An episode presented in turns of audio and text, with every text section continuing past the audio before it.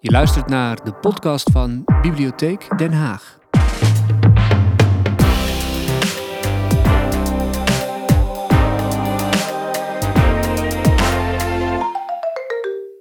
We gaan beginnen. Goedenavond allemaal. Goedenavond, goedenavond. Leuk. Leuk dat u bent gekomen. Zijn er nog vragen? Ik heb ontzettend veel zin in deze avond, omdat, ik, uh, omdat we het gaan hebben over een onderwerp wat ons allemaal, ja, wat allemaal in ons, in ons, ja, van dik zwaap mag ik niet zeggen, het zit in ons DNA, maar het zit in ons hoofd. Uh, muziek. Muziek, uh, de immense impact die muziek heeft op ons leven, op onze relatie met anderen. Uh, muziek dat ons verbindt, uh, dat ons vasthecht aan herinneringen, aan belangrijke mooie momenten in het leven. En muziek die eigenlijk iets zegt over onze identiteit. En ik ga dat gesprek voeren met twee hele bijzondere mensen. Met twee mensen die in hun respectievelijke beroepen hebben laten zien dat ze niet alleen heel goed zijn in, in, in, dat, in dat wat ze doen. De een is neurowetenschapper en de ander is filosoof. Maar ze hebben ook laten zien dat ze kunnen nadenken, dat ze kunnen vertellen, meeslepend vertellen over de grote thema's van ons bestaan. En die heel toegankelijk kunnen maken voor ons. Daar hou ik van. Ik hou van toegankelijkheid. En um, ik ben vanavond, mijn naam is Abdelkader Benali, ik ben daarin gewoon ook, net als u, gewoon een toehoorder. Ik ben de onzichtbare zichtbare. Ik heb wat vragen voorbereid. Ik heb hun boeken gelezen. Um, en ik ben blij verrast door de geweldige opkomst van iedereen. Uh, een, een, speciaal welkom aan de mensen van We Are Public. Waar zijn ze? We Are Public mensen? Ja, die zitten hier gratis. Oh, is niet waar. Oh, is niet waar. Oh, nee, niet waar. Nee. Nee? Nee, wat was... Wat, wat? Oh, je betaalt... Oh, je betaalt... Oh, ja. Oké, oké. Okay. Duidelijk. Ja, goed. Ja, oké. Ja. Spannend. Um, ik ga ze kort aan u voorstellen. Uh, Dick Swaap, ongetwijfeld de beroemdste neurobioloog van Nederland. Hij is hoogleraar in Amsterdam. Uh, hij is al met emeritaat, maar hij werkt nog altijd 50, 60 uur in de week in Amsterdam. En in uh, de uitspraak is Ang in China. Van zijn, van zijn broek, van zijn broek, van zijn boek. Wij zijn ons brein.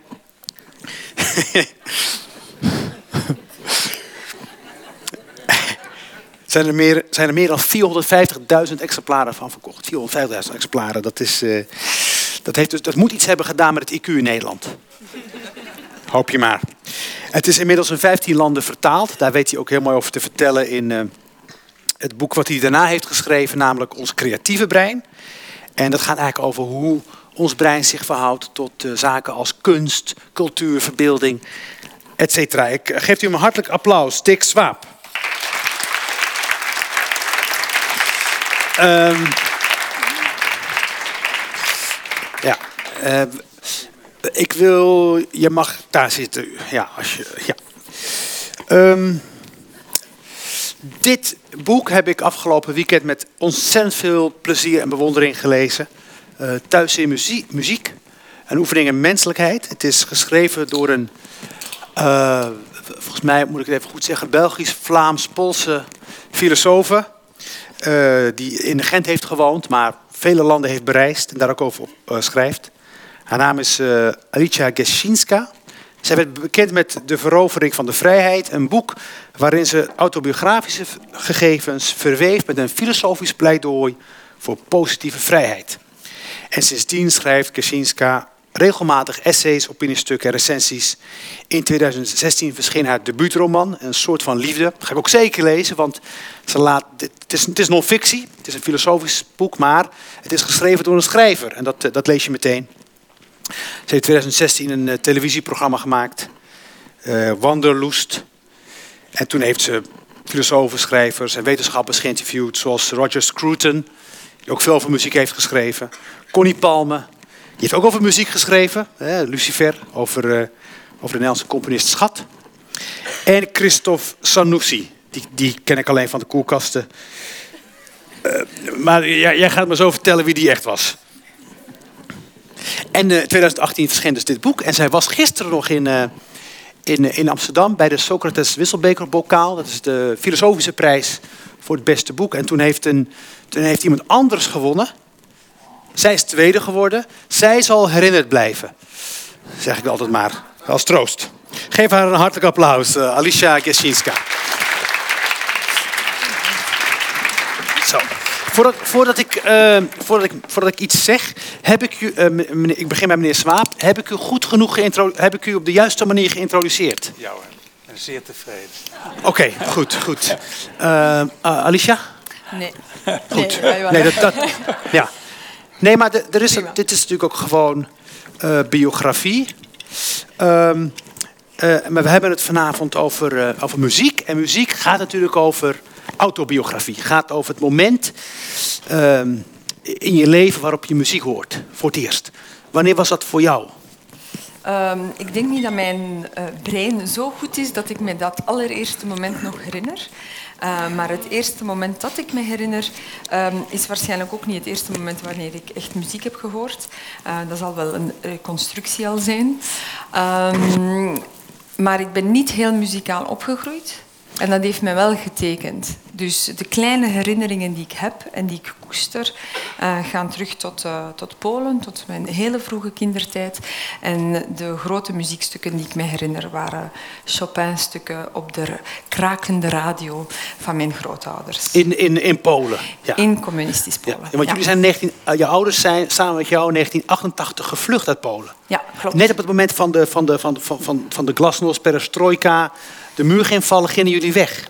Ja, de muur, dat de muur ging vallen wisten mijn ouders niet, anders waren ze misschien niet vertrokken. Is dat zo? Ja, precies. Ja. Dus uh, in 88 dachten ze, dit wordt een ellendig lange uh, communistische tijd, met nooit een einde eraan. Dus wij gaan hier niet blijven, we gaan een nieuw bestaan in het Westen opbouwen. En ze zijn op clandestine wijze gevlucht? Precies. Ja. ja. Heb je daar herinneringen aan?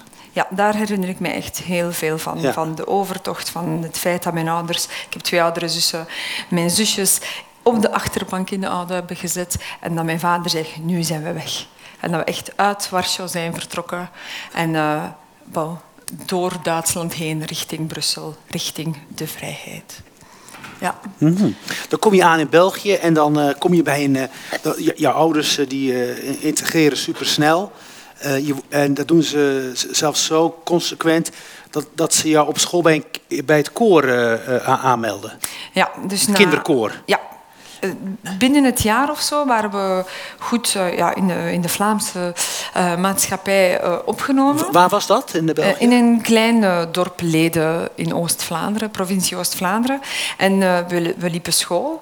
En toen hebben mijn ouders gezegd van we gaan ze ook naar het koor sturen. Omdat het ja, goed zou zijn voor onze integratie. Um, en dat was een heel goede beslissing van mijn ouders. Omdat op vele plaatsen uh, voelde ik me wel een vreemde en niet thuis en niet goed. Maar daar op het podium, al zingend met andere kinderen, dat was geweldig. Dan, dan deed mijn, uh, uh, mijn moeilijke naam en het feit dat ik nog niet zo goed Nederlands sprak er niet toe. Wat belangrijk was, konden wij mooi zingen. En konden wij goed de dirigent volgen. En we zongen allemaal samen en we waren allemaal dezelfde. We maakten deel uit van dezelfde groep, we hadden dezelfde t-shirts aan. En, en ja, dat was uh, een, een heel belangrijk moment van integratie. Ik heb Zong je alle mensen weer de broeder van Beethoven? Uh, nee, het waren echt kinderliedjes hè, van ik haat school en ik wil vakantie. Okay. het ging er eigenlijk niet om dat de, dat de liedjes heel moeilijk of speciaal waren, maar wel het samen zijn, het hmm. samen zingen en uh, een, samen een geheel vormen. Hmm. Dat was heel belangrijk. Hmm. Ik, ik, dus, dus eigenlijk is vanaf, vanaf dat, dat eerste moment dat je zelf mag zingen, is, is, is, is muziek verbonden met je thuis voelen. Dat was toen thuis gaan horen voelen. Dat was een heel belangrijk moment. Ik, ik, ga niet, uh, ik besefte dat zelfs toen nog niet zo hard, hoe belangrijk dat samen zijn en samen zingen was. En ook, toen besefte ik ook niet wat muziek voor mij betekende.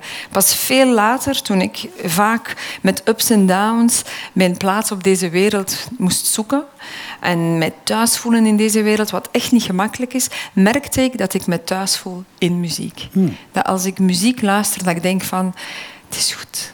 Het komt vast goed. Chopin speelt. Ik voel mij thuis.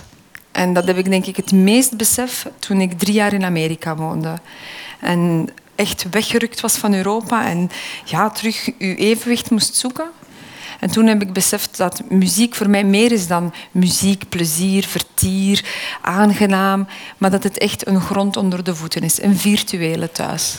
Dan, dan noem je Chopin en uh, je, je, schrijft daarover uh, over in, in, het boek. Chopin was de, ja, de, de, de, eigenlijk de ultieme uh, romantische componist, pianist die ook verscheurd was. Want Ja, ja. zijn land Polen uh, uh, was opgeheven. Hij is het in Parijs. En daar maakt hij muziek om zich weer thuis te voelen. Ja, dus als je de biografische gegevens van Chopin leest, dan merk je dat hij zelf dus die verscheurdheid had, die melancholie, het hunkeren naar een thuis. En dat hij die, ja, die gevoelens ook vertaalde in zijn muziek. Nu is het een beetje een grote filosofische discussie. Het is niet omdat hij dat voelde en vertaalde, dat meteen Ehm, dit vertaald wordt in de muziek. Muziek is een andere taal dan de taal van een roman waarin je schrijft hé, hey, ik mis dat en ik mis dit en ik mis dat. Dan kun je er niet naast kijken. Tegen muziek dan is het grote discussie van hoor jij het erin of zit het erin in die muziek?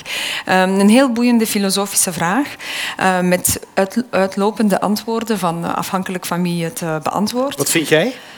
Um, ik ga akkoord met de mensen die zeggen het, er zit melancholie in. Ja. Er zit effectief melancholie in. Sommigen, zoals Adorno, gaan zover dat ze zeggen dat er de poolsheid in zit in de muziek. Hm, Dat kan. Uh, voor discussie vatbaar. Maar ik denk wel dat wat er wel universeel is, het zou heel raar zijn moest iemand de Stabat Mater horen van gelijk welke componist en zeggen, daar word ik nu heel vrolijk van. Nee, we, we hebben wel iets van, dit is trieste muziek of dit zijn trieste toonaarden, dit is opwekkend. Nu, melancholie is een heel moeilijke uh, te vatten gevoel. Uh, maar er zijn veel mensen die zeggen, Chopin was degene die het best verwoordde Ja. in klanken. Je, je, je schrijft ook in het boek dat Chopin uh, uh, componeert een, een muziekstuk ehm, waarin een, een, een Pools kinderliedje in doorklinkt. Ja. En dat je op een gegeven moment zo geoefend bent als luisteraar dat je dat Poolse kinderliedje eindelijk hoorde. Ja. En toen zei je tegen je man van, eh, Ja, ja, ja. "Mo- moet je eens luisteren wat ik nu hoor. Dus eigenlijk, eh, ik heb dat muziekstuk beschreven omdat wij allemaal, wij horen non-stop muziek. Maar wij horen muziek. Wij luisteren daarvoor nog niet naar muziek. Luisteren is echt een actief proces waar je je overgeeft aan de muziek. Luisteren doen wij constant. We- zijn er constant klanken aan het, aan beluisteren. En heel vaak zetten we muziek op als achtergrond. Dan ben je aan het strijken, aan het koken, whatever. Ehm, en dan hoor je muziek. Maar dan geef je je niet over aan de muziek. En dus Chopin is een, eh, een componist die heel vaak bij ons thuis gespeeld wordt. En dat hoor ik dat allemaal. Maar op een gegeven moment was het meer dan horen. Dan dacht ik van, ha, dit is een, kinder, eh, een, een kerstliedje dat daarin verwerkt is. En dus werd mijn aandacht op een andere manier eh, daardoor getrokken. En eh, door mijn aandacht te, te richten, heb ik iets gehoord wat ik daarvoor niet hoorde, omdat ik niet actief hoorde, maar passief. Dus, ehm, en ehm, daarin was het dan ontegensprekelijk hoe Chopin de, ook kinderliedjes van mijn kindertijd, en, eh allee, van mijn kindertijd, hij leeft is natuurlijk ervoor, maar liedjes die heel vaak meegaan, eh, kerstliedjes, ook in zijn composities verwerkte als teken van een gemis, van een hunkering, van, de, van de kerstmissen die hij dan thuis niet kon, eh, kon bijwonen. Maar ehm, waarom ik dat zo beschrijf in, het, in mijn essay, is om aan te tonen dat wij heel vaak naar muziek luis- eh, horen, maar niet beluisteren. En als wij echt muziek zouden centraler zetten en ons aandacht anders richten, komt er veel meer binnen. We zouden veel meer naar muziek moeten kijken als naar een dialoog. En als je in dialoog treedt met een ander, dan geeft je je ergens over aan de ander. En als we ons aan een muziekstuk durven overgeven, dan gaan we daar volledig andere zaken uithalen dan als passieve luisteraar. En dit is niet onbelangrijk, in een, zeker in een tijdperk waar dat we gebombardeerd worden door klanken. Um, om zelf eens te zeggen, nu ga ik mij richten naar de muziek. Daniel Barenboim, um, die zegt het ook van, eigenlijk zou je het stil moeten maken voor je naar muziek luistert. Dat je zegt van, nee, nu ga ik een muziekstuk opzetten en dan maak je het stil, zet je een muziekstuk op en dan ga je mee. En dat is een totaal andere ervaring dan ja, gewoon ach- achtergrondmuziek. Ja. Wat ik altijd zo bijzonder vind in de, in de concertzaal, is dat, dat er wordt het heel stil en dan begint er altijd iemand te kuchen. Daarmee moet je thuis doen. Meneer Slaap, heeft u daar een wetenschappelijke verklaring voor? Nou, ze kuchen anders ook al, maar dan hoor je het niet natuurlijk. Ja. Hoe was dat voor u, meneer Swaap? Uw eerste kennismaking met de muziek? Ja, ik zat erover te denken, in, in theorie eh, maak je kennis met muziek eh, zo halverwege de zwangerschap. Dan begint het kind te reageren op muziek. En eh, als een vrouw iedere ochtend naar dezelfde soap kijkt en dezelfde tune hoort, dan onthoudt dat kind dat ook zo'n drie weken lang. Eh, en dat kun je zien als dan die muziek gespeeld wordt, dan eh, gaat de zuigfrequentie aan de borst die gaat eh, omhoog. Ze reageren er nog zo'n drie weken op en dan komt er ruimte voor iets beters. Maar in, Komt er in- ruimte voor, hoop je? Of, Ja. of komt, sowieso, komt altijd ruimte voor iets beters? Maar ja, ik denk, ik denk niet dat mijn moeder in die tijd naar de soaps heeft geluisterd. Ik ben geboren in de hongerwinter. En ik denk ook dat er weinig muziek was om ons heen. Mijn vader was ondergedoken in het eigen huis. En eh, het was niet een tijd om eh, muziek te horen, te luisteren. Hoewel mijn vader wel uit een heel muzikaal gezin kwam. Want u bent na, na de oorlog bent u bij, bij uw grootmoeder pianoles gaan volgen. Ja, en toen ik, Dat leerde, moest. toen ik leerde lopen, moest ik ook eh, leren piano spelen. En zij was, eh, Mooi. zij was eh, concertpianiste en eh, ze was nooit tevreden. Het was vreselijk. En ik studeerde heel heftig eh, met één oog op de piano en de andere op een grote klok die daar bovenop. ik, ik moest zoveel studeren per dag en eh, als, ik, als ik iets hoorde moest ik het in noten kunnen opschrijven. Het viel niet mee voor een klein kind natuurlijk. Ehm, en het vervelende was ook dat ze je niet aanmoedigde. Ook zo. Ze, ze vond alles wat, eh, wat zogenaamd modern was, vond ze verschrikkelijk. En het feit dat wij op de lagere school niet alleen cijfers hadden, maar ook letters voor eh, datgene, wat de, de onderdelen van een vak. Dus de O van onvoldoende, de V van voldoende en de G van goed. Het beste wat ik bij haar kon bereiken was de G van het gaat. en had ik echt vreselijk af, hard op iets gewerkt. Eh, dus ik kan me nog de opluchting herinneren toen ze opgenomen werd. In, in, een- in, een in een piano- kliniek. in een nee, kliniek. in een kliniek. En, en sindsdien heb ik nooit meer een piano aangeraakt. Nooit Ai. meer. Maar uw, uw, grootmoeder kon toch kon ge- eh, geweten hebben dat het niet in u zou zitten, dat muzikale talent. Want uw vader had dat talent niet. Ja, mijn vader was inderdaad een zwarte schaap van de familie. Hij, eh, ze had een zoon die zeer muzikaal was, die cellist was. Juda? Juda? Juda, ja.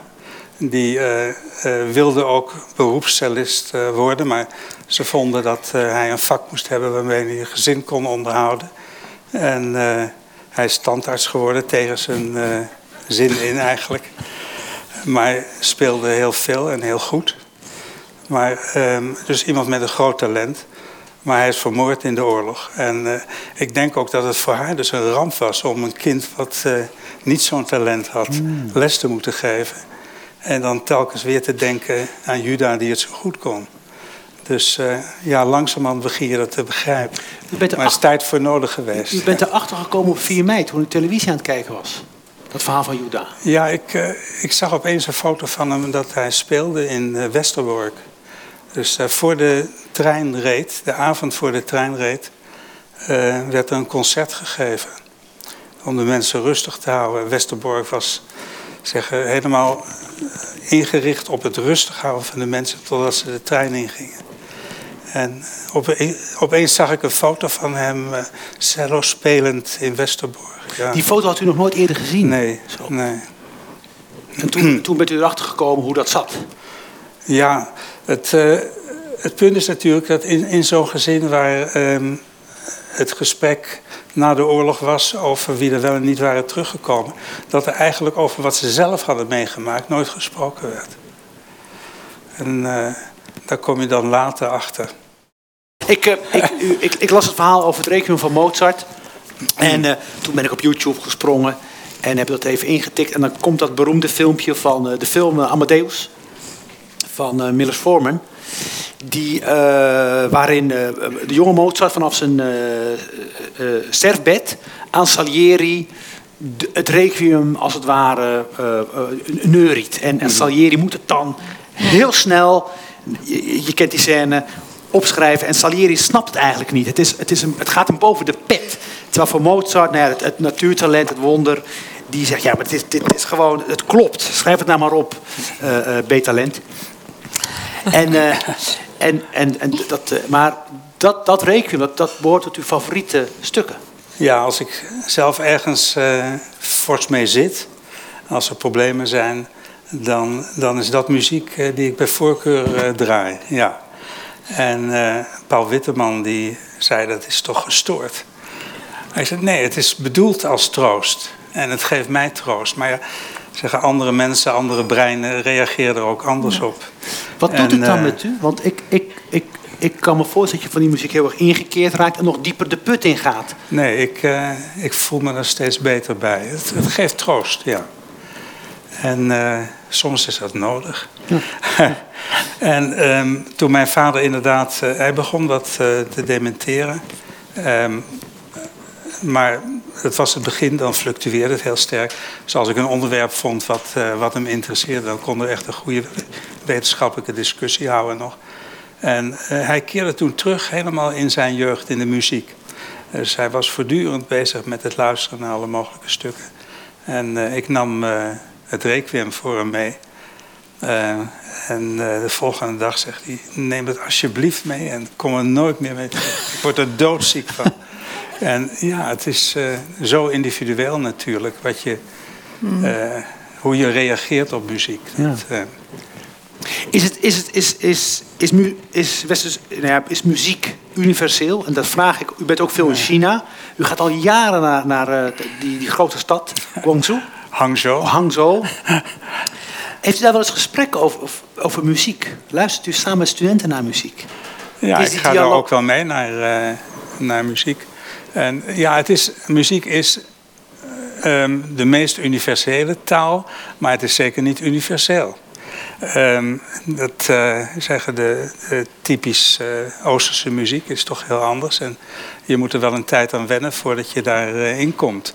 En er zijn ritmes ook zeggen in Oost-Europa die wij niet 1, 2, 3 kunnen volgen. Het interessante is dat een baby dat onmiddellijk kan.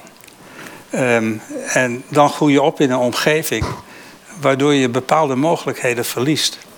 En dat is, in, in feite is dat net zoals het leren van de taal. Er is ook geen genetische achtergrond voor. Ja, je hebt de genetische achtergrond om taal te leren, maar niet een bepaalde taal. En als een Chinees kind in het Westen opgroeit, omdat geadopteerd wordt, uh, dan uh, spreekt het uh, de westerse taal zonder enig probleem. Dus het brein uh, wordt gevormd door de taal.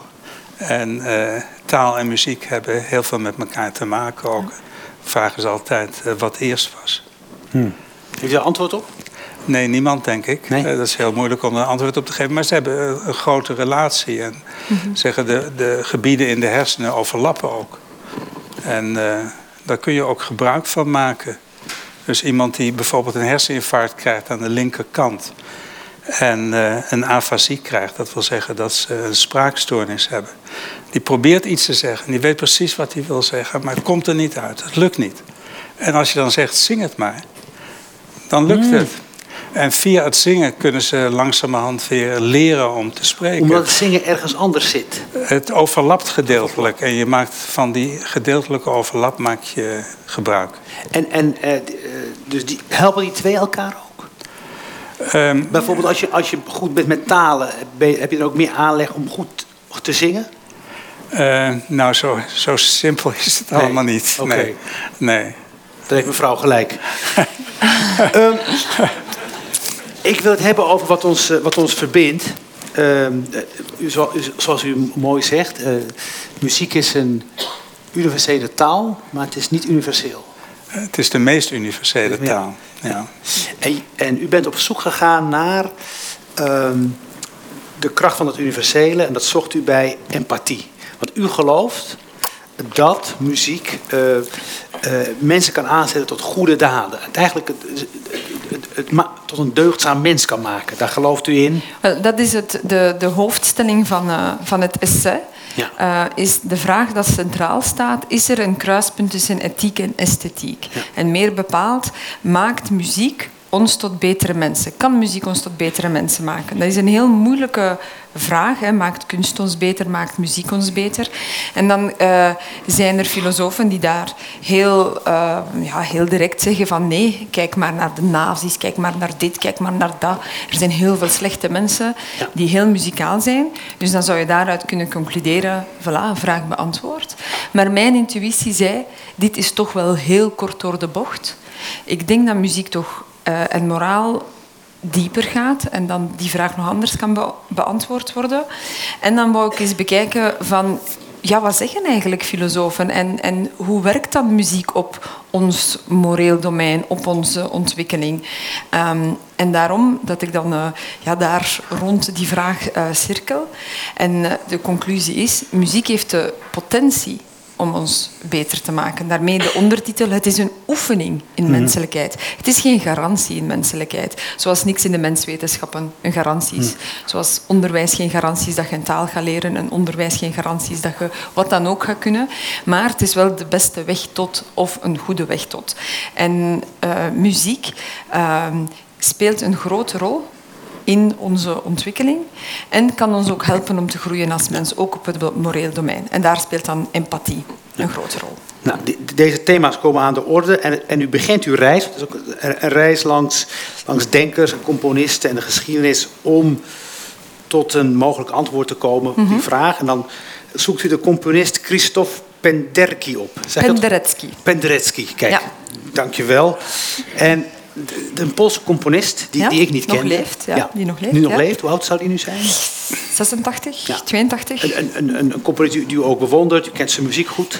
Wat betekent die muziek voor u?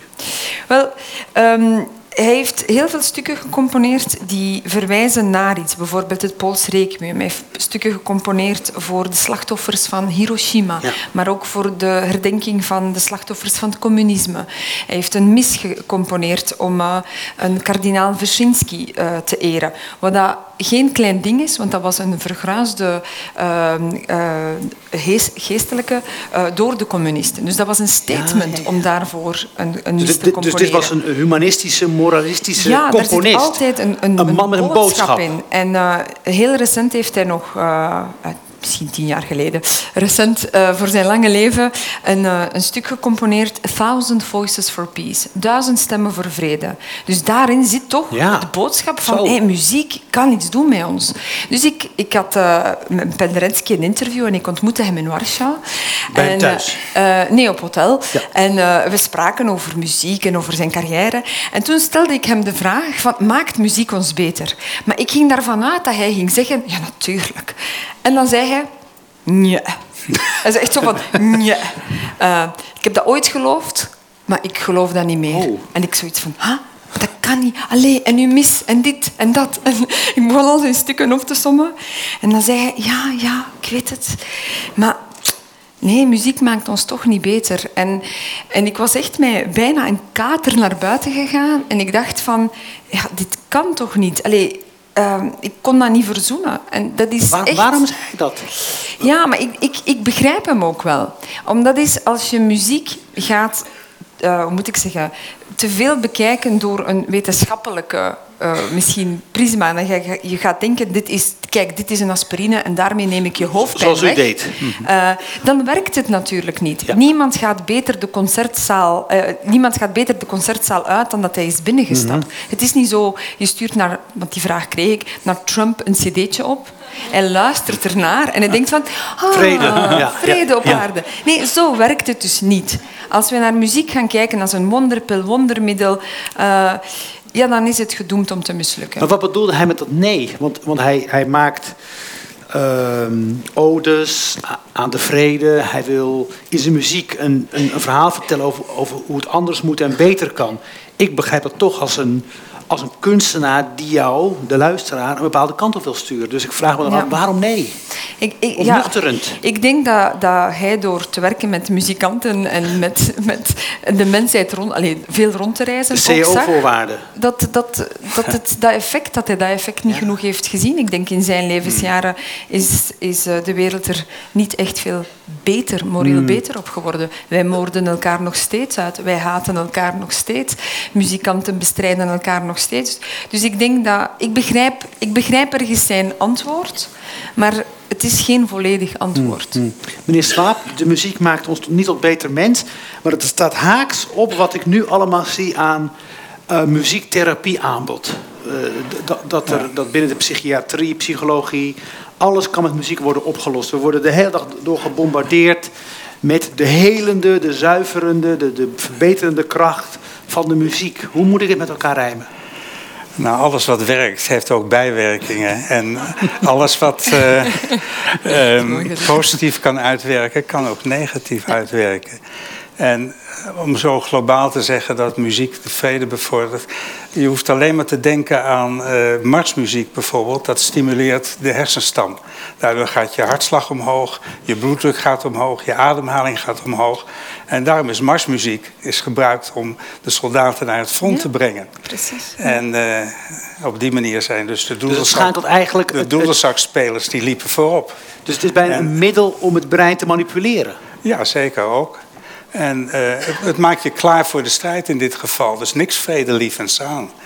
En als ik doedelzakmuziek hoor, dan eh, krijg ik ook de neiging om erop los te slaan. dus ik, ik denk dat eh, het de Engelsen meer geholpen heeft dan de Schotten. Het, eh, maar ja, je kunt muziek gebruiken, je kunt het misbruiken. Muziek is een marteltuig geweest in Guantanamo Bay bijvoorbeeld. De Amerikanen hebben dat gebruikt. Dag en nacht mensen blootstellen aan muziek. Eh, muziek is gebruikt eh, in de kampen om eh, mensen kapot te maken. En het, ja, het, het kan goede en slechte dingen doen. Ik denk niet dat je, om je empathie te ontwikkelen, dat je muziek nodig hebt. Apen hebben geen muziek, maar wel empathie. Ehm, omgekeerd ehm, zijn mensen die... eh 1% van de mensen heeft een amusia. Kan muziek niet als muziek ervaren. Merkt, eh, maakt het mee alsof er pannen op de grond vallen. Ja. was een eh, onderwijzeres en eh, die heeft eh 40 keer per jaar heeft ze langs al zijn leven gedraaid. Ehm, ze kon het niet zingen, ehm, maar op, op een grammofoonplaat. En ze herkende dat niet als je het voor haar speelde. Hoe komt dat? En- dat is een. Dat is een Dat, dat, zijn ja, de, de connecties die daarvoor nodig zijn, die zijn niet gevormd bij deze mensen. Maar die vrouw was zeer empathisch. Dus je hebt helemaal geen muziek nodig om, om zeer empathisch te worden. En dus je moet die twee niet simpelweg eh, zo aan elkaar verbinden. Voor jou, voor jou lukt het. hoe definieert u. Het, eh, eh, Maar het is misschien een klein detail. Ja? Ik, ik, eh, beweer niet dat- muziek het enige is. Um, de literatuur maakt ons sympathisch. eh, Ja, dialoog het is een manier van met andere mensen. communiceren. En muziek En, eh, is daar ja. één onderdeel van. Maar uiteraard, mensen die geen muziek kunnen horen of niet muziek appreciëren, kunnen perfect 100% empathische mensen zijn. Ja. Uiteraard. Ja, en er zijn eh, mensen die geen empathie hebben, eh, die je nogal eens tegenkomt in eh, zeggen de top van de internationale banken en bedrijfsleven. Die erg goed zijn in het reorganiseren, waarbij 3000 mensen worden ontslagen. Ehm, en daar totaal niks bij voelen, die geen empathie hebben. En een van de leiders van eh, ABN AMRO werd ook ieder jaar bij het gesprek aangeraden om een empathiecursus te gaan volgen. Nou, dat zou, die bestaat niet en dat zou ook niet werken. Dat zijn, mensen hebben een enorme variatie in alles, ook in empathie. maar kan je die mensen. eh, nou ja, helpen is een beetje. Een, eh, dat woord wil ik niet. Maar kunnen wij mensen die niet empathisch aangelegd zijn helpen? Nee, het is een groot probleem bij eh, wat we psychopaten, narcisten noemen, eh, die eh, niks voelen bij wat ze mensen aandoen. En eh, tot nu toe is er geen effectieve therapie voor. Dan, dan, dan kom ik toch weer terug bij die muziektherapie. Ja. Kan muziektherapie als, als onderdeel van een, van een cocktail van behandelingen iets doen? Ja, muziektherapie kan een hoop doen bij, eh, bij een aantal aandoeningen. Ehm, je kunt eh, geholpen worden bij een depressie eh, door eh, naar muziek te luisteren. Nogmaals, sommige mensen wel, andere mensen niet. Maar hetzelfde geldt voor een pilletje, antidepressiva.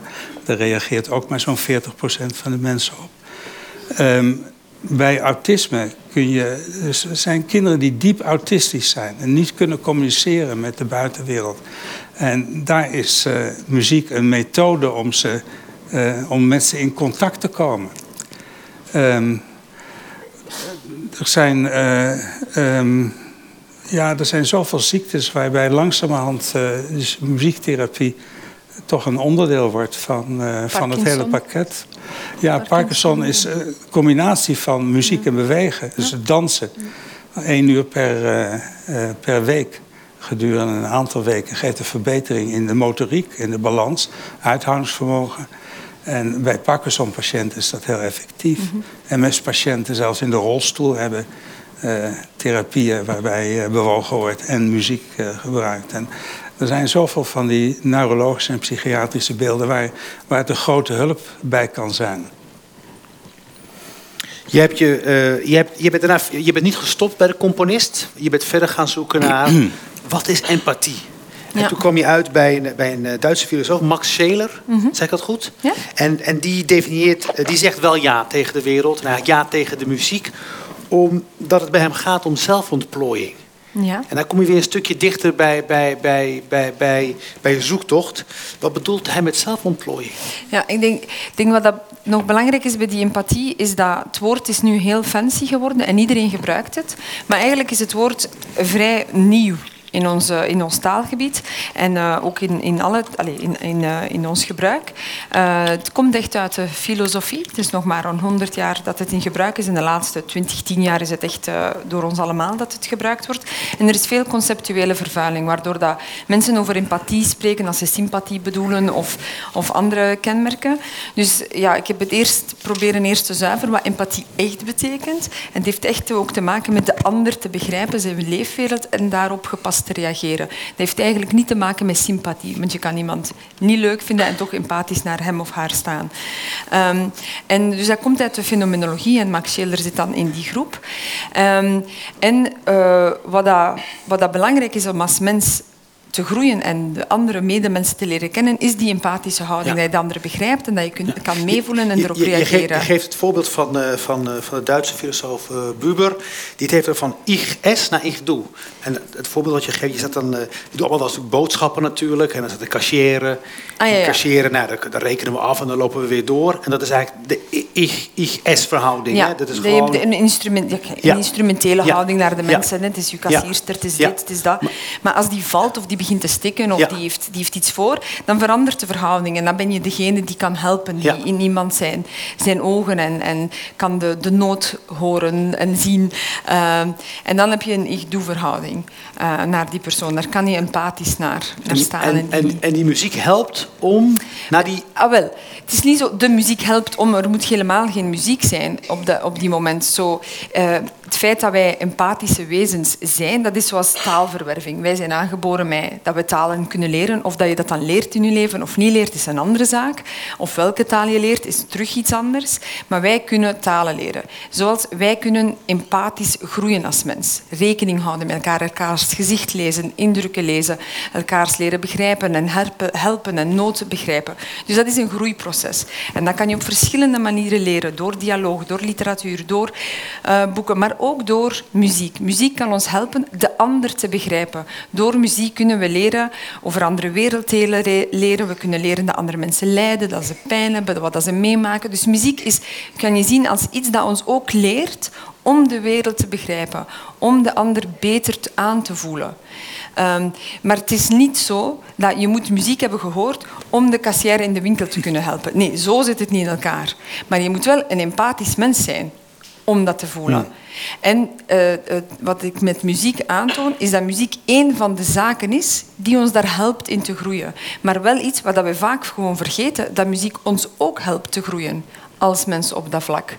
Muziek, uh, dat vind ik daar, daar vind ik het spannend en daar kom ik dichter bij de, de hoofddiscipline van Dick Swaap, ook als je kijkt naar het brein, hoe diep verankerd klanken in ons zijn. Van, van het wieg tot het graf, voor het wieg. Al eigenlijk vanaf de baarmoeder mhm. zijn we met die klanken bezig. Klanken hebben, zitten zo diep in ons verankerd.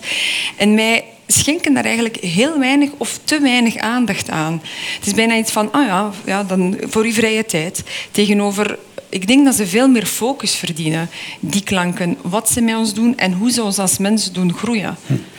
Hm. Uh, klopt dat, dat, dat, klanken, muziekstukken, klanken ook verbonden zijn met herinnering? Dat die, dat, dat, dat die elkaar overlappen? Ja, het zijn, uh, je associeert natuurlijk, net zoals je met reuk associeert, je herinneringen. Even over die ontwikkeling. Um, een, een, kind wat uh, te vroeg uit de baarmoeder komt, wat prematuur geboren wordt. Daarvan dachten we vroeger altijd, die moet je in een soort van baarmoederlijke situatie houden. Half duister, geen geluid rondom dat kind. En het is nu duidelijk dat je ze een duidelijk dag- en nachtritme moet geven. En bovendien, als je ze muziek van Mozart aanbiedt, dan halen ze beter adem. Dan hebben ze betere zuurstofverzadiging, dan groeien ze sneller en kunnen ze eerder de couveuse uit. En wat mij intrigeert is dat als je ze Bach laat horen, dat dat niet gebeurt. dus je moet iets rijper zijn dan prematuur om Bach uh, te waarderen. Ja. Maar u, u, zegt ook ergens dat het, het, het uh, Bach heeft niet wat uh, Mozart heeft geen. Nee, godverdomme. Ja, dat was mijn grootvader die zei: Mozart kan geen godverdomme zeggen. Ja. Ja, dus, dus, ja. dus, dus, dus, dus en, maar waar, waar, hoe verklaart u dat? Dat, dat, dat, dat Mozart wel. Nou, dat zijn de emoties die, die de muziek bij jou opwekt. En uh, ik, ik denk dat hij heel wat heeft meegemaakt om godverdomme over te zeggen. Mm -hmm. En uh, dat miste hij bij, uh, bij Mozart. Ja. ja. Maar dat is ook weer zo individueel. Ja. En, over het individuele beleven en hoe het kan veranderen, hoe, de, hoe het de mens kan veranderen, heb jij een filmfragment uitgekozen uit de Duitse film Das Leben der Anderen. Wil je het even zelf kort inleiden? Uh, ja, uh, het, is, uh, het, is, allez, het is een fragment waar, waar ik denk dat het toch dat fragment is dat de vraag wordt gesteld wat dat muziek met ons doet en of het ons beter maakt. En, maar misschien moeten we het eerst zien, want er zijn twee fragmenten waar ik aan denk en nu vraag ik me af ja. welk fragment ik door, ja. doorgestuurd heb. even, even voor, voor, de mensen die het niet, niet kennen, het is, dat is de andere, is het verhaal van een, van een, van een, van een ambtenaar in, de, in de Oost-Duitsland communistisch uh, geregeerd. Ja. Hij is een hij, is, hij, hij werkt voor de Stasi, voor de Veiligheidsdienst. Ja. En hij luistert... Twee, uh, een koppel af. Een koppel af. Uh, culturele mensen. volgens mij regisseur en een, en een actrice. actrice. Ja. Hij luistert ze af. Dat moet hij van zijn baas doen. Die heeft, speelt dan ook weer jaloezie mee. Maar hij luistert af. Het is, het is een hele... Nou ja, het is een type man zonder empathie. Zo'n man die postzegels verzamelt. En, en, nee, nee, nee. nee. Ik, heb ook, ik, heb ook, ik heb ook postzegels verzameld. En het is goed met me gekomen. Ja. Maar het is, als je hem ziet, dan snapt u wat ik bedoel? En die man, uh, die, die, nou ja, het is wel, het is een fantastische film. En die man, die, en, en hij, hij luistert de hele tijd af en dan, hij, hij hoort natuurlijk de hele tijd wat daar gebeurt in dat huishouden, maar het is niet zijn taak om daar iets bij te voelen. Ja. Hè? Hij moet eigenlijk als het ware zijn empathie uitschakelen.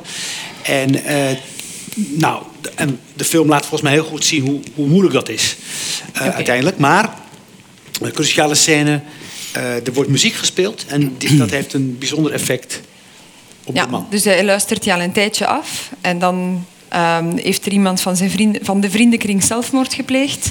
En dan uh, gaat die man achter de piano zitten, hmm. die hij afluistert. Ja. Oké, okay. gaan we kijken.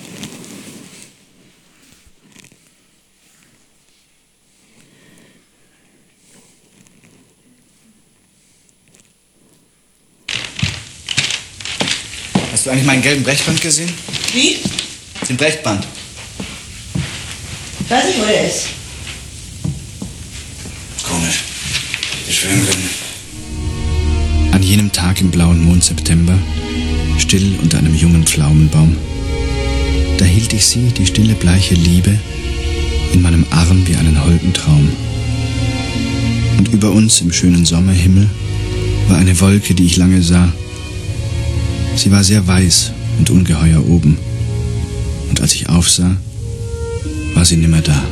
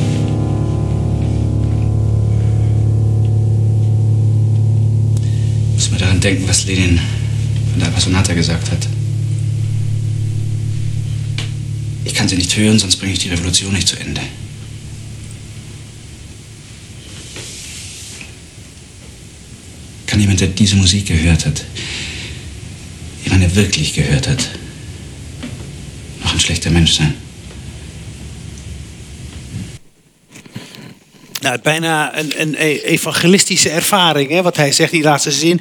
Kan iemand die deze muziek echt heeft gehoord nog wel een slecht mens zijn? Wat Ja. zegt de eh, eh, professor daarop? Nou, dat kan ja. Het, eh, er zijn Dat kan. verhalen genoeg eh, van, van mensen die in de natiekampen overdag moorden en eh, s s'avonds naar Ja. hun gezin gingen en Mozart speelden. En eh, ja, Ja, je dat- kunt blijkbaar de ja, knop dat kan, omzetten. ja. het kan. Maar kan je het ook omdraaien? Kan je ook een eh, ervaring hebben in de muziek waardoor je ten goede verandert? Je kunt een heel bijzondere en extatische ervaring hebben in muziek. Of dat je ten goede verandert, dat weet ik niet. Het, eh, zijn, u zijn wij- daar geen gevallen van bekend in de literatuur. nee. Nee. En ja, eh, het karakter heet karakter, dat betekent ingeslepen. Dat wil zeggen dat het een stabiele eigenschap is. En ik denk dus ook dat je eh, zo'n karakter niet kan veranderen. Ehm, dat eh, is ook niet door muziek. Dat, eh, die eigenschappen hou je. Je kunt met veel moeite kun je gedrag een beetje aanpassen. Maar je karakter hou je. Terug naar u. Ehm, Waarom heeft u het uitgekozen? Goh, ik, ik denk. ehm, ik, ik, uiteraard is dat dus een feit dat mensen eh, die, ik zal nu zeggen, door en door slecht zijn, die gaat je niet verbeteren door een muziekfragment. Maar wij mensen, over het algemeen die geen duivels zijn, ehm, hebben een potentieel om te groeien. Zoals we een potentieel hebben tot totale kennis. En wat helpt ons? Dat zijn verschillende elementen. Zoals ik terugkeer tot literatuur. En daarom vind ik dat fragment heel mooi. Die Stasi leest en wordt ontroerd door die literatuur. Dat betekent dat hij het potentieel al in zich had, uiteraard, om te groeien als mens. En hij leert dat koppel beter kennen. En dan ontroert hij zich door de muziek die hij hoort. Maar uiteraard vallen er veel puzzelstukjes samen. Hij leert ook ehm, de waarheid kennen, dat het regime niet zo goed is. Hij leert die mensen kennen, dat het goede mensen zijn. Dan die een pleegt zelfmoord. Hij hoort die muziek en dan brengt het samen en hij wordt ontroerd. Dan uiteraard zat het al in hem. Ehm, dat potentieel om zich te kunnen ontroeren. Maar de muziek en de literatuur heeft hem geholpen om te groeien als mens. Het is daar waar, daar ik, waar ik naar kijk. Naar het potentieel dat muziek ons geeft. Dat het dus meer is dan louter vermaak en louter klanken. En het, het, ook het, het, het eindstuk vind ik mooi, waar de vraag wordt gesteld van kan iemand die het stuk werkelijk gehoord heeft nog een slecht mens zijn? En hij verwijst dan naar Lenin die zei van ah, als ik, eh, eh, als ik eh, bepaalde stukken hoor, dan kan ik niet meer misschien de revolutie niet De meer verder Appassionata ja, de? Appassionata Ja, hoor, dan kan ik misschien niet meer de revolutie verder zetten. Ehm, is dit waar? Het is werkelijk, hij zou het werkelijk gezegd hebben. Ehm, zou hij gestopt zijn met zijn revolutie? Dat is maar een vraagteken. Maar dat muziek met ons iets doet op een dieper niveau, is gewoon een feit. Ik, daarvoor maakt het ons van ons geen heilige. Uh, maar het heeft een heel groot potentieel om ons wel de ander beter te laten begrijpen. En als je daar vatbaar, vatbaar voor bent, dan is dat een prachtig potentieel om, om van gebruik te maken. Um, en ik denk dat je... Ik vergelijk het ja, Geldt het ook voor bijvoorbeeld... Uh, we hebben nu de hele tijd gepraat, gesproken, uh, hartstochtelijk over de klassieke muziek. Ja. Maar geldt dat ook bijvoorbeeld voor als deze man naar naar de, naar de hip-hop had geluisterd van, van Kanye West? Um, ik, ik maak, ik, de voorbeelden die ik aanhaal in mijn boek zijn inderdaad meestal klassieke muziek. Maar ik maak niet het onderscheid, of het is geen pleidooi voor klassieke muziek. Ik denk dat de kracht van muziek ook zit in metal en in andere vormen, jazz en um, um, complexe muziek. En dan kan andere zaken dat, dat, dat misschien, moet ik zeggen, minder complexe muziek minder kan. Uh, maar het is geen pleidooi voor klassieke muziek. Ik denk dat heel veel muzieksoorten eh, tot heel veel mooie dingen kunnen leiden. Hip-hop zit ook heel veel in, waar dat je de ander beter kan begrijpen enzovoort. Ehm, dus het is, uh, dat, dat moet, daar zou het, zou het niet fijn vinden mochten mensen denken dat het een pleidooi is voor klassieke muziek. Al, al gaat mijn liefde daar nu aan uit. Maar dat is een persoonlijke voorkeur. Ja, u, nou, het, u, u, u, begon over, klassiek, over complexe muziek. Ik wil, ik, u, schrijft in uw boek dat uh, uh, vrouwen die ovuleren, dus uh, super vruchtbaar zijn, die als, als, als, ze dan muziek, als ze dan een componist moeten uitkiezen, dan kiezen ze voor een componist die complexe muziek maakt. Ja, ja. Ah, ja de keuze is uh, door de cyclus heen is uh, anders. En uh, ja, op het moment dat je te bevruchten bent, dan kies je iemand die iets bijzonders kan maken. En later in de cyclus dan is dat niet zo belangrijk meer. Ja. Met, met complexe het, muziek. ja. Oké. Okay. Ja. Waarom is dat? Nou, je kunt zeggen dat dat evolutionair voordeel heeft. Dat je iemand ja. die iets bijzonders maakt, uh, die uh, brengt uh, maar, kinderen voort die bijzonder maar, zijn. Maar u, u, zegt, het onderzoek laat zien dat de mens intuïtief daarop reageert. Ja. Dus vanuit, vanuit de evolutie. Ja, het is, het is niet berekend. nee, het is, nee, het is puur ja. op basis ja. van ja, de genetische achtergrond die je meekrijgt. Het is even over die, die empathie en, en muziek. Um, Ieder, iedere moeder die een kind in de arm heeft, uh, een baby, die neuriet daarmee. En begint uh, met muziek te maken. Maar ook tegelijkertijd hebben ze een hele specifieke manier om het kind vast te houden. De rug en de bovenarmen. En dat stimuleert uh, de afgifte van oxytocine bij het kind. Waardoor die band tussen moeder en kind bevorderd wordt. Het, dus daar, daar raakt muziek aan empathie vanaf het allereerste begin. En empathie heeft als basis ook de moederzorg in het hele dierenrijk. Um, en dat interfereert via het oxytocine dus uh, op die manier. En de moeder die geeft uh, de borst, daar komt oxytocine vrij om de melk af te geven. Maar er komt ook oxytocine in het brein van de moeder vrij. En dat uh, is een sociaal peptide, mm. wat ook de band tussen moeder en kind bevestigt. En als dat niet gebeurt in die hele vroege ontwikkelingsfase, dan kun je dat later ook niet meer inhalen. Dus kinderen die verwaarloosd worden, die kunnen die band, uh, die, die, warme band met een ander ook niet uh, opbrengen. En ze krijgen ook geen oxytocine afgifte daarbij. En, Het, en, uh, en wat als, als ze in een bepaalde naar muziek zouden gaan luisteren? Nou, ja, een, een, goed voorbeeld daarvan is weer Paganini. Die um, uh, toen zijn vader ontdekte wat een talent dat hij had, uh, stond hij met een stok te wachten uh, tot hij bijna uitgespeeld was en dan moest hij door. Um, en die vader wilde dat hij zijn talent ontwikkelde omdat hij geld in het laadje kon brengen voor de verslaving van zijn vader. Hmm.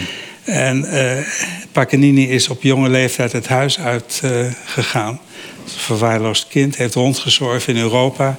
Uh, heeft zelf ook een gokpaleis uh, opgericht wat failliet is gegaan. Is betrokken geweest bij het plegen van een moord. Maar heeft fantastische muziek gemaakt. En daar heb je weer die discrepantie ja. tussen empathie, die hij ja. niet op kon brengen, nooit geleerd heeft. En uh, het maken van hele ja, emotionele muziek. Um, wat is eigenlijk het nut van, van muziek voor de evolutie? Volgens Darwin is het, um, had het te maken met Um, met ja, seksuele interacties. En dan dacht hij natuurlijk aan vogels, uh, waarvan de mannetjes uh, zingen om een vrouwtje te interesseren.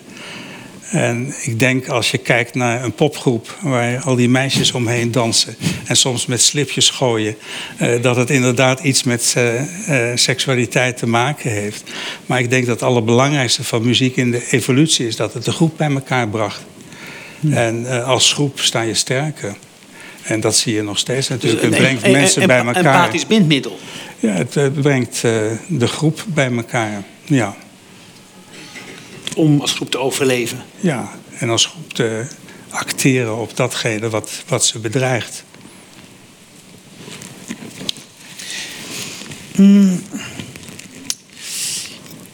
Jij zegt eigenlijk je, je boek, ja, om, die, om echt die helende werking te, te kunnen ervaren, moet men voorbereid de muziek ingaan. En dan heb je het over. Je, moet, eh, je hebt muziek waar je naar luistert om van jezelf weg te komen. En muziek waar je naar luistert om weer bij jezelf te komen. In de stilte van jezelf. Wat bedoel je daarmee?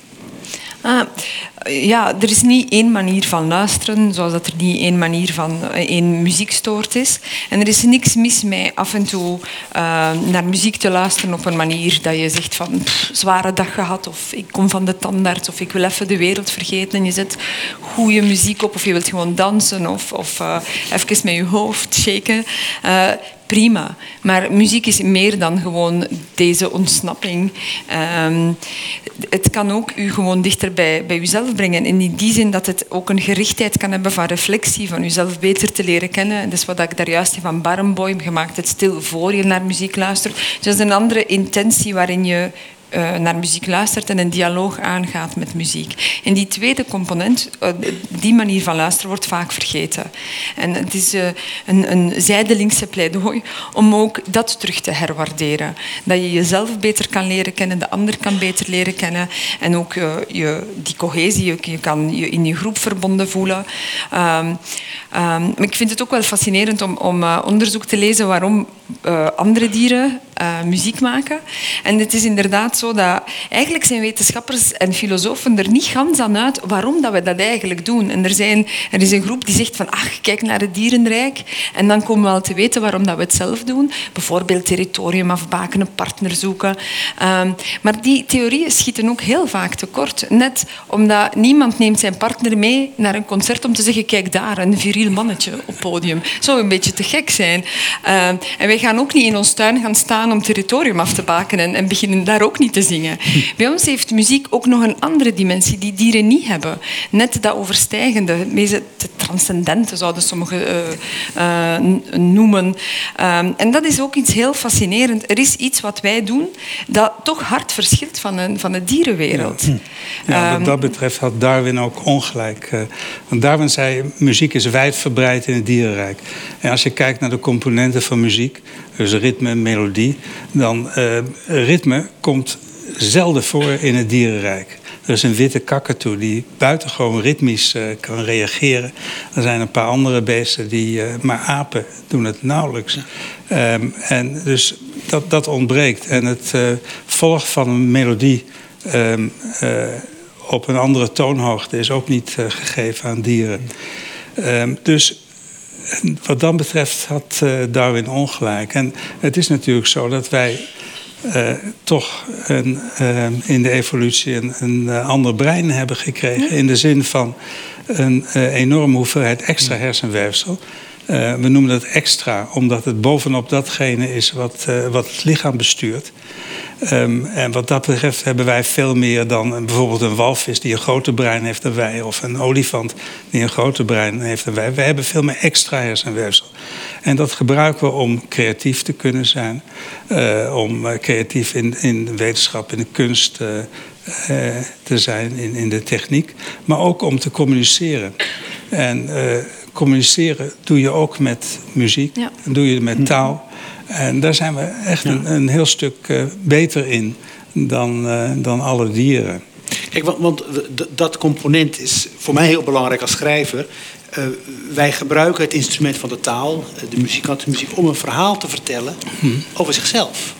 En dat wordt aan de gemeenschap gegeven als een, als een spiegel. En daar kan de gemeenschap iets mee, iets mee zich mee vermaken, of zichzelf in herkennen.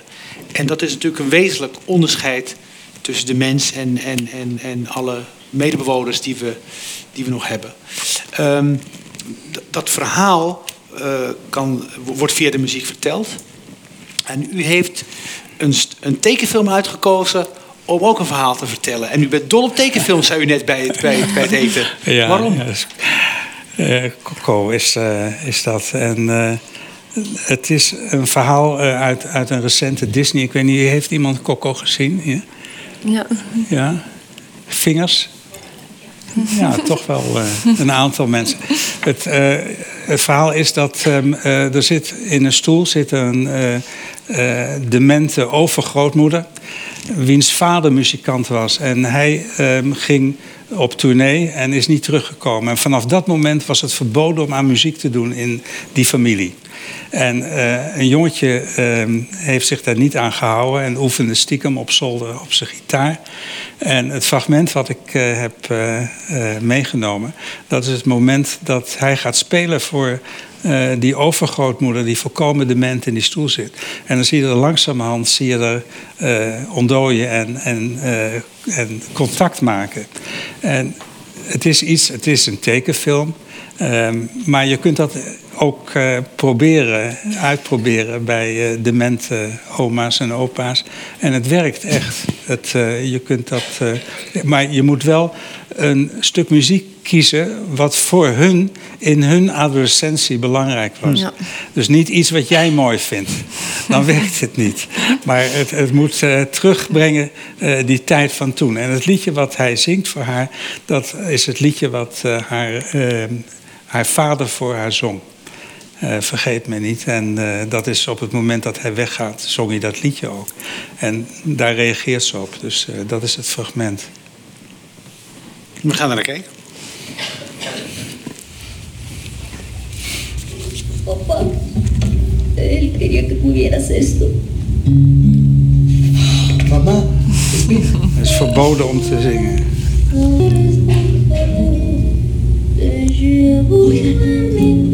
Te y cerca me tendrás a solas aunque tengo que emigrar. Recuérdame si mi guitarra oyes llorar, mis brazos tú estés.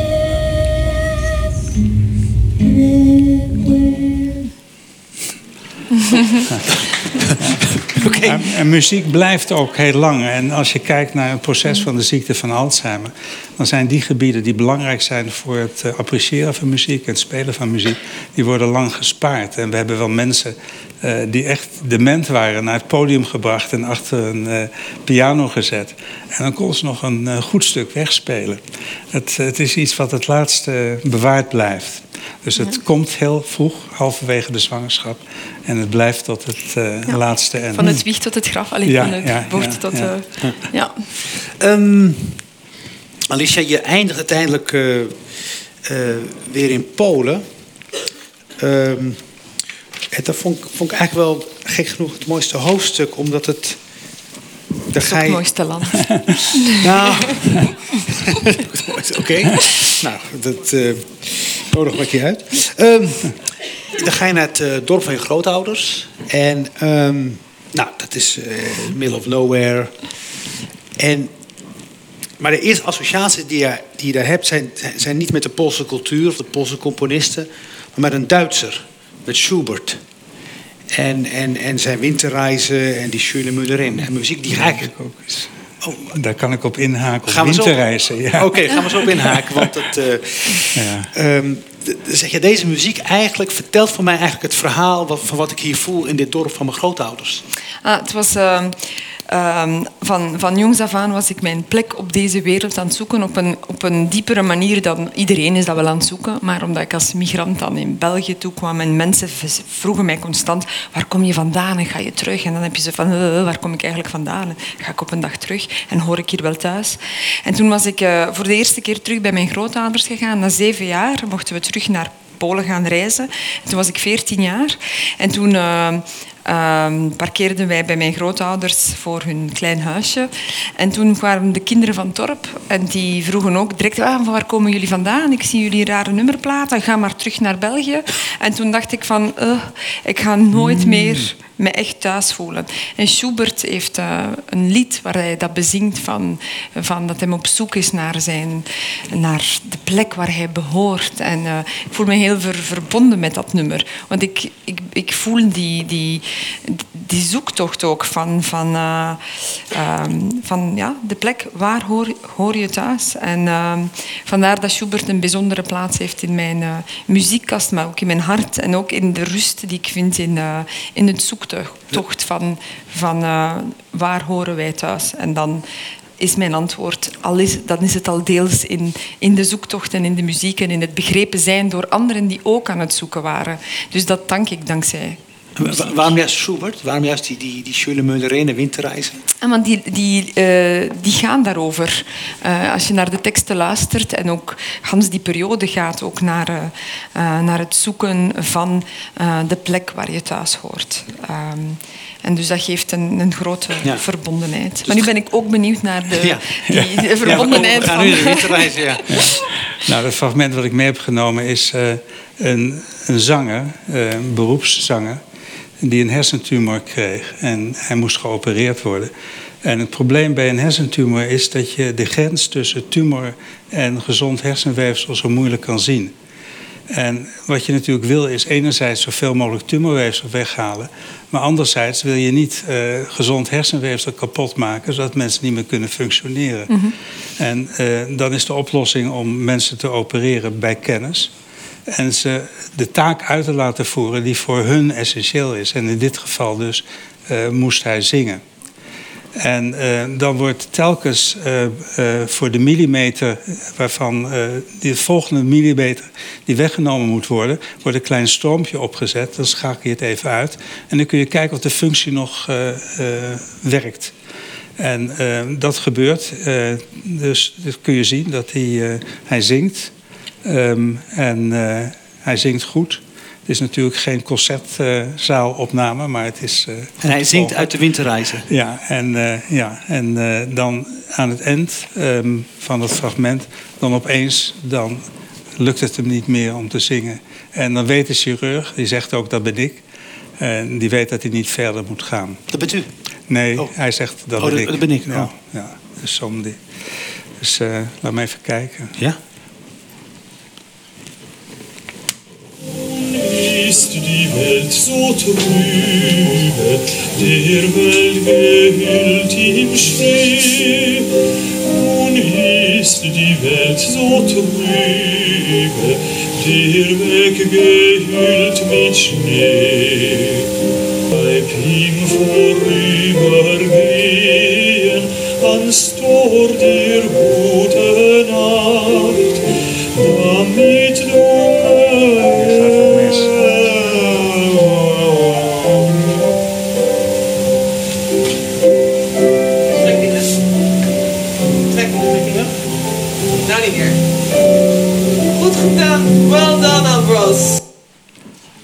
Is dat een echt? Alleen van echt? Of is dat een film? Of is dat een echte Nee, operatie? En ik heb hem eh, een maand geleden nog gesproken. Het is zes jaar geleden. Gaat goed met hem. Hoe heet hij? Ambos. En eh, hij, eh, nou, ja, laat ik verder niet op ingaan. Maar hij, ehm, hij treedt op, hij eh, is succesvol, hij eh, functioneert goed. Ja. Mooi. Ja. Ik vind het een, pr- een- een- een prachtige manier hoe Schubert's winterreis ons van Polen naar, naar de wetenschap heeft gebracht. Het weer verbindt, terug. hè? Muziek verbindt. Ja. Ik ben eh, nu bij het belangrijkste moment van deze avond aangekomen. Namelijk de vraag uit de zaal. daar, is, daar is wel tijd voor. Ik denk dat die er ook zijn. Als die er niet zijn, dan, eh, dan ga ik verder met vragen stellen. Ik kom naar u toe eh, met een microfoon. Ja, dat, dat doe ik. Ik ben heel streng. Als u begint over uw eigen vakantieervaringen, dan trek ik hem weg. Eh, Bij wie moest ik zijn? Ja, mevrouw.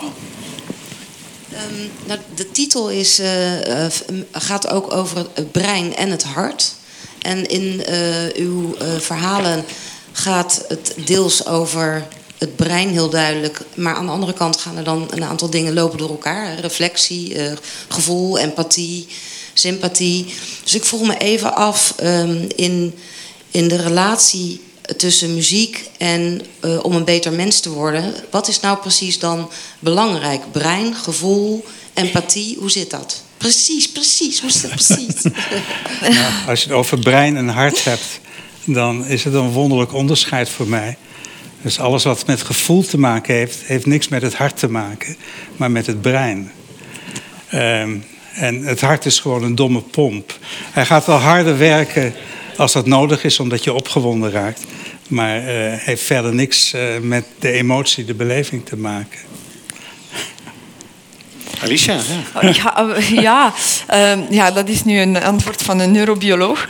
Ehm, maar ik, wat ik ook begrijp uit, eh, als we het, moet ik zeggen, technisch bekijken, maar hoe dat we het, eh, eh, ja, als we aan het hart denken, denk ik niet dat, dat we puur denken aan die pomp, maar naar het gevoel dat het erbij bij komt. En uiteraard kunnen we het dan terug allemaal terugvoeren naar, eh, naar het brein. Maar ik denk dat daar nog het grote mysterie zit in het brein. Ik, ik zie het brein helemaal niet zo als iets wat dat wij eh, volledig wetenschappelijk ontrafeld hebben.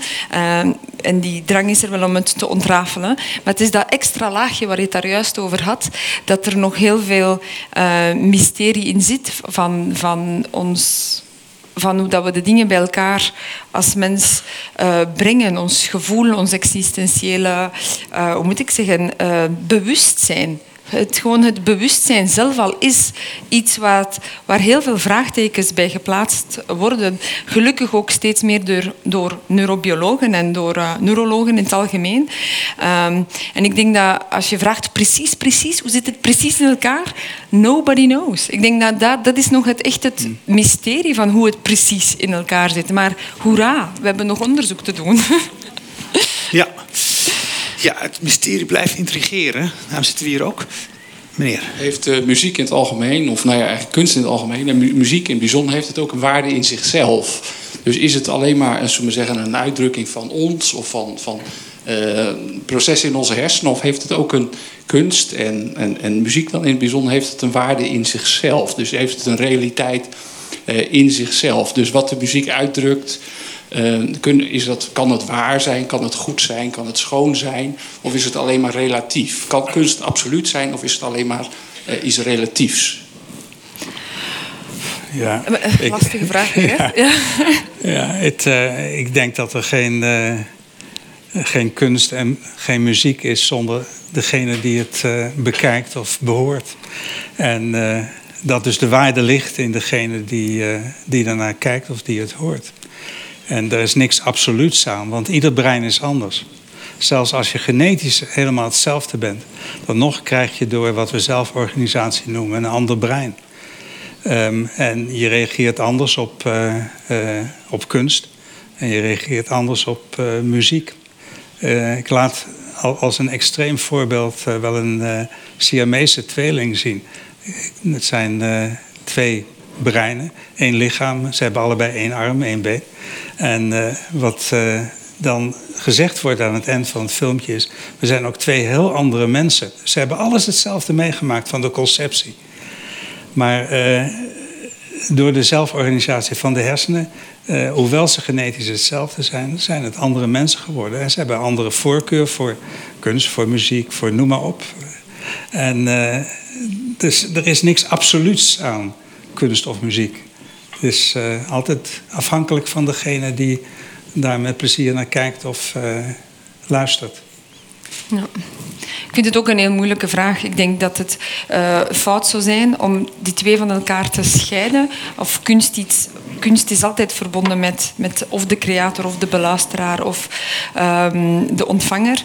Ehm, maar eh, het is er niet uitsluitend van afhankelijk. Eh, toen neem nu, er zijn muziekstukken die 400 jaar geleden gecomponeerd zijn, die wij nu nog kunnen beluisteren, uitvoeren, daar een voeling bij hebben.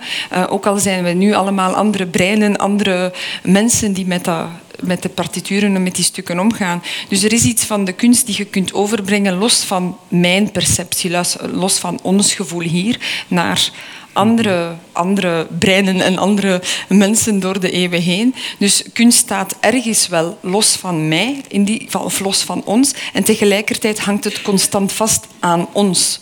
Uh, want wij geven het ook door.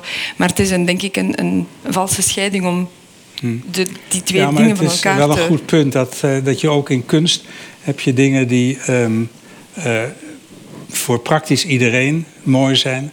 En je hebt dingen die heel erg individueel eh, afhankelijk zijn. Dus als je de klassieke beelden waar, eh, zeg, uit, uit de eh, Griekse, Romeinse tijd... eh, en daar de topstukken van laat zien... eh, dan is het gros van de mensen vindt dat mooi. En als je dan een klein beetje gaat veranderen aan de proportie van eh, lichaam ten opzichte van benen, lichaam ten opzichte van hoofd, et cetera, dan vinden ze die veranderingen vinden ze minder mooi. Dus er zit iets algemeens in. Als je dat absoluut noemt, dan, dan is dat eh, iets absoluuts. Maar daarbovenop heb je hele sterke individuele interesse. Ja. Ik heb hier een vraag. Um, waarom klinkt een mineurakkoord eigenlijk zo triest voor ons en een majorakkoord zo vrolijk? Is dat alleen gewenning en cultuur en training? Of zit daar meer in of achter? Ja, het, uh, ook daarin zitten, zitten algemene dingen. Dus het, uh, het stimuleren van, van structuren die met verdriet te maken hebben.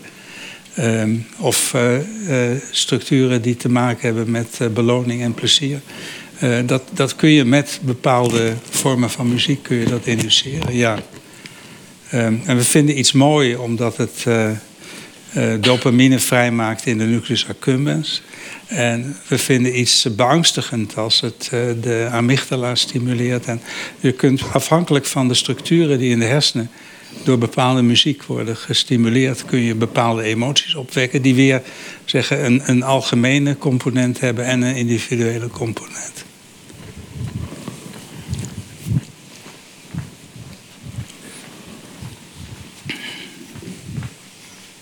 Uh, u heeft net, uh, meneer Straap, gezegd dat uh, dieren eigenlijk geen ritme kennen of ze zijn niet muzikaal zoals we zouden denken. Maar als ze dan even omdraaien, dan als er muziek wordt gedraaid, dat er bepaalde dieren, parkieten of honden, die beginnen wel ritme daarin te herkennen. Hoe verklaart u dat? Nou, het ritme niet. Um, er zijn wel veel reacties op muziek, maar er zijn maar weinig dieren die echt het ritme herkennen, met het ritme meegaan. Um, er is een zeehond in, uh, in Amerika die dat doet. En er is die, die, die, witte vogel die dat aardig doet. Maar daar houden ze zo'n beetje mee op. Het is wel zo dat honden zijn bijvoorbeeld niet ritmisch. Maar wanneer je honden blootstelt aan klassieke muziek... dan worden ze wel rustiger. Er zijn kennels die daar gebruik van maken. En dat moet je dan zo nu dan afwisselen. Want na een tijdje dan krijg je er ook genoeg van, van het ene stuk. Dus, maar ze zijn niet ritmisch. ze, ze, gaan niet mee in het ritme. Het, muziek stimuleert tot bewegen. Zoals je ziet bij de parkiet, als je muziek aanzet, gaat hij bouncen. Of kinderen gaan uit zichzelf dan dansen. kunt u dat misschien verklaren of er meer over vertellen? Ja, er zijn, uh, als je kijkt naar de gebieden in de hersenen die geactiveerd worden door muziek, dan zie je dat er ook een duidelijke verbinding is met de motorische schors. En bij een bepaalde ritmische muziek kun je dus moeilijk je voet stilhouden. Dat is een directe stimulatie van de motoriek. Uh. Dat is ook daarmee daar, waarom lopers vaak muziek luisteren. Omdat ze langer en kunnen lopen, beter hun ritme kunnen houden. En uh, ook uh, hun marathon kunnen uitlopen, of wat dan ook dat ze willen uitlopen. Dat, dat helpt. Of de appreciatie van muziek bij mensen die dement worden, bij dementie... Uh, houden die dezelfde muzieksmaak die ze in hun goede leven hadden? Of neemt de appreciatie van muziek af dat, het, uh, ja, dat ze alleen nog maar van simpele muziek houden. Zeg nee, het gaat vooral terug naar de periode van de adolescentie. Wat ze toen mooi vonden. En uh, ja, dat is ook de periode natuurlijk waarin we allemaal een bepaalde smaak ontwikkelen voor muziek. En, en die smaak is bij iedere generatie weer anders. Wat, uh, maar dat, dat is de periode die bepaalt voor de rest van je leven wat je het liefste hoort. Uh, dank u beiden. Uh, een vraag voor Alicia Geschwinska. Uh, ik proef ik, ik heb uw boek nog niet kunnen lezen, maar proef ik in uw verhaal ook een um, neiging om te zoeken naar bewijs of een sterke argumentatie dat muziek inderdaad empathie kan helpen ontwikkelen. Als dat namelijk zo zou zijn, ik kende deze discussie uit de literatuurwetenschap, als muziek, als literatuur empathie kan opwekken, is dan de argumentatie moeten we dan niet veel meer inzetten op de kunsten, muziek, literatuur in het onderwijs? Want empathie is een van de grote problemen in onze wereld. Zie politiek, zie banken enzovoort. Uh, en op zich denk ik altijd dat in de onderzoeken die geschied zijn op dit gebied vaak verwarring van fenomenen plaatsvindt. Dat aan de muziek wordt toegeschreven. Ik, ja, ik, ik maak hem af. Muziek wordt toe, uh, aan muziek wordt toegeschreven wat misschien in de hele context ingebouwd zit. Hoe ziet u dat? Um, ja, ik, ik, uh, als de vraag is of ik graag zou hebben dat er meer muziek komt in het onderwijs, dan is mijn antwoord daarop ja. Ik zou willen dat er meer muziek komt in het onderwijs. Om, al te beginnen, muziek die je van kinds af aan hoort in je adolescentie, bepaalt heel veel van je, van, van, van, uh, van uw klanken en van uw vermogen naar de toekomst toe. En ook als je brein aftakelt, gaat je wel gebaat zijn met een brein die blootgesteld is geweest aan interessante muziek. Je ziet dat ook als je onderzoek leest bij mensen die breinschade op, oplopen en dan teruggrijpen naar bepaalde uh, muziek die ze al opgeslagen hadden in hun brein. Uh, mij beangstigde dat onderzoek, want ik ben in mijn kindertijd veel te weinig aan, bloot, aan muziek blootgesteld. Dus ik denk, als ik Alzheimer heb, ik weet niet wat ze mij gaan laten horen. ik ben daar nu al bang voor. Uh, en ik denk dat het heel belangrijk is dat wij uh, muziek allee, ergens de ware uh, ja, ergens plaats toekennen. En ook de cruciale fase ervan, zoals we met taalontwikkeling herkennen, erkennen en dat ook ergens meer een, een ja, uh, meer centraal plaatsen. En het onderwijs, wat we belangrijk vinden, zetten we ook centraal. Daarom hebben we sport op school. Het doet er niet of je dat graag doet. We, doen, we geven dat niet aan de kinderen dat ze sportmensen worden, maar we geloven wel in een gezond lichaam en een gezonde geest, et cetera, et cetera. En muziek verdient gewoon um, veel meer aandacht. Maar ik denk dat het belangrijk is dat ik, ik zie geen, geen, uh, geen groot heil in muziek. Dat ik denk, laten we iedereen muziek aanleren en we gaan dikke vrienden worden. Zo naïef ben ik niet, zo zie ik het ook niet. Um, en ik denk dat je het ook kan zien. Um, let, stel dat ik een boek had geschreven over uh, uh, opvoeding van een kind wat belangrijk is dat een kind goed opgroeit en welke, wat dat er nodig is om een goede context te hebben voor dat kind.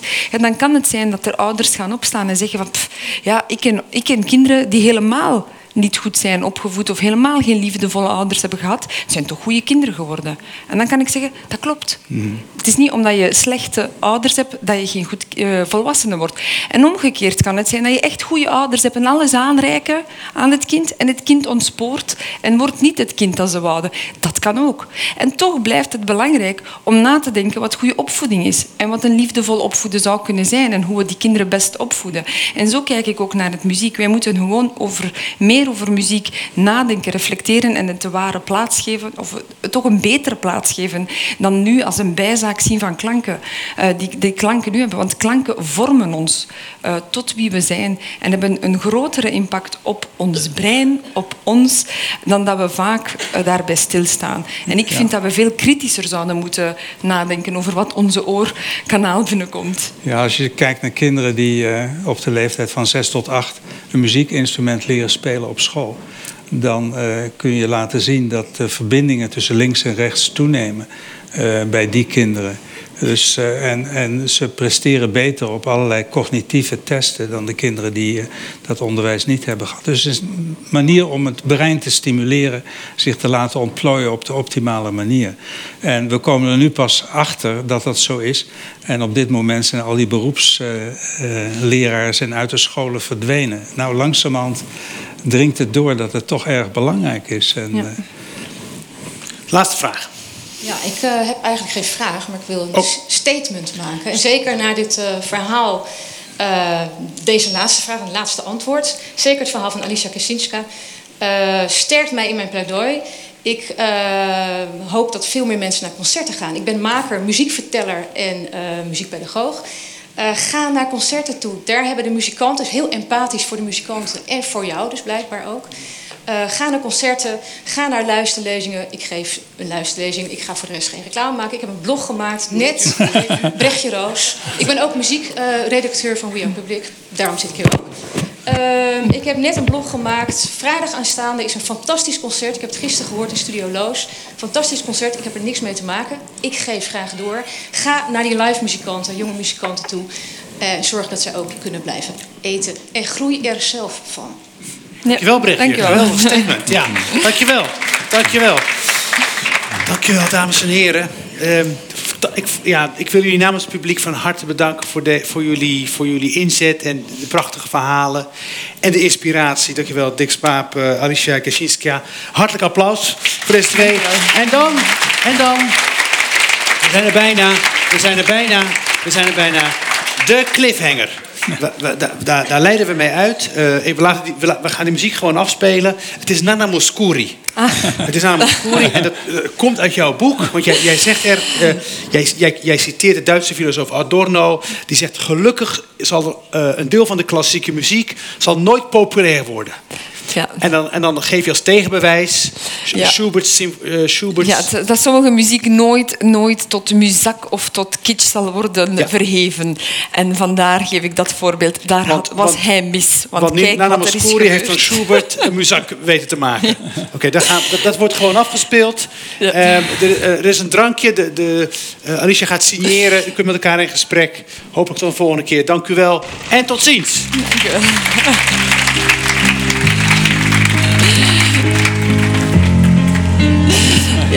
plezier. Dat was heel fijn. Leise fliehen meine Lieder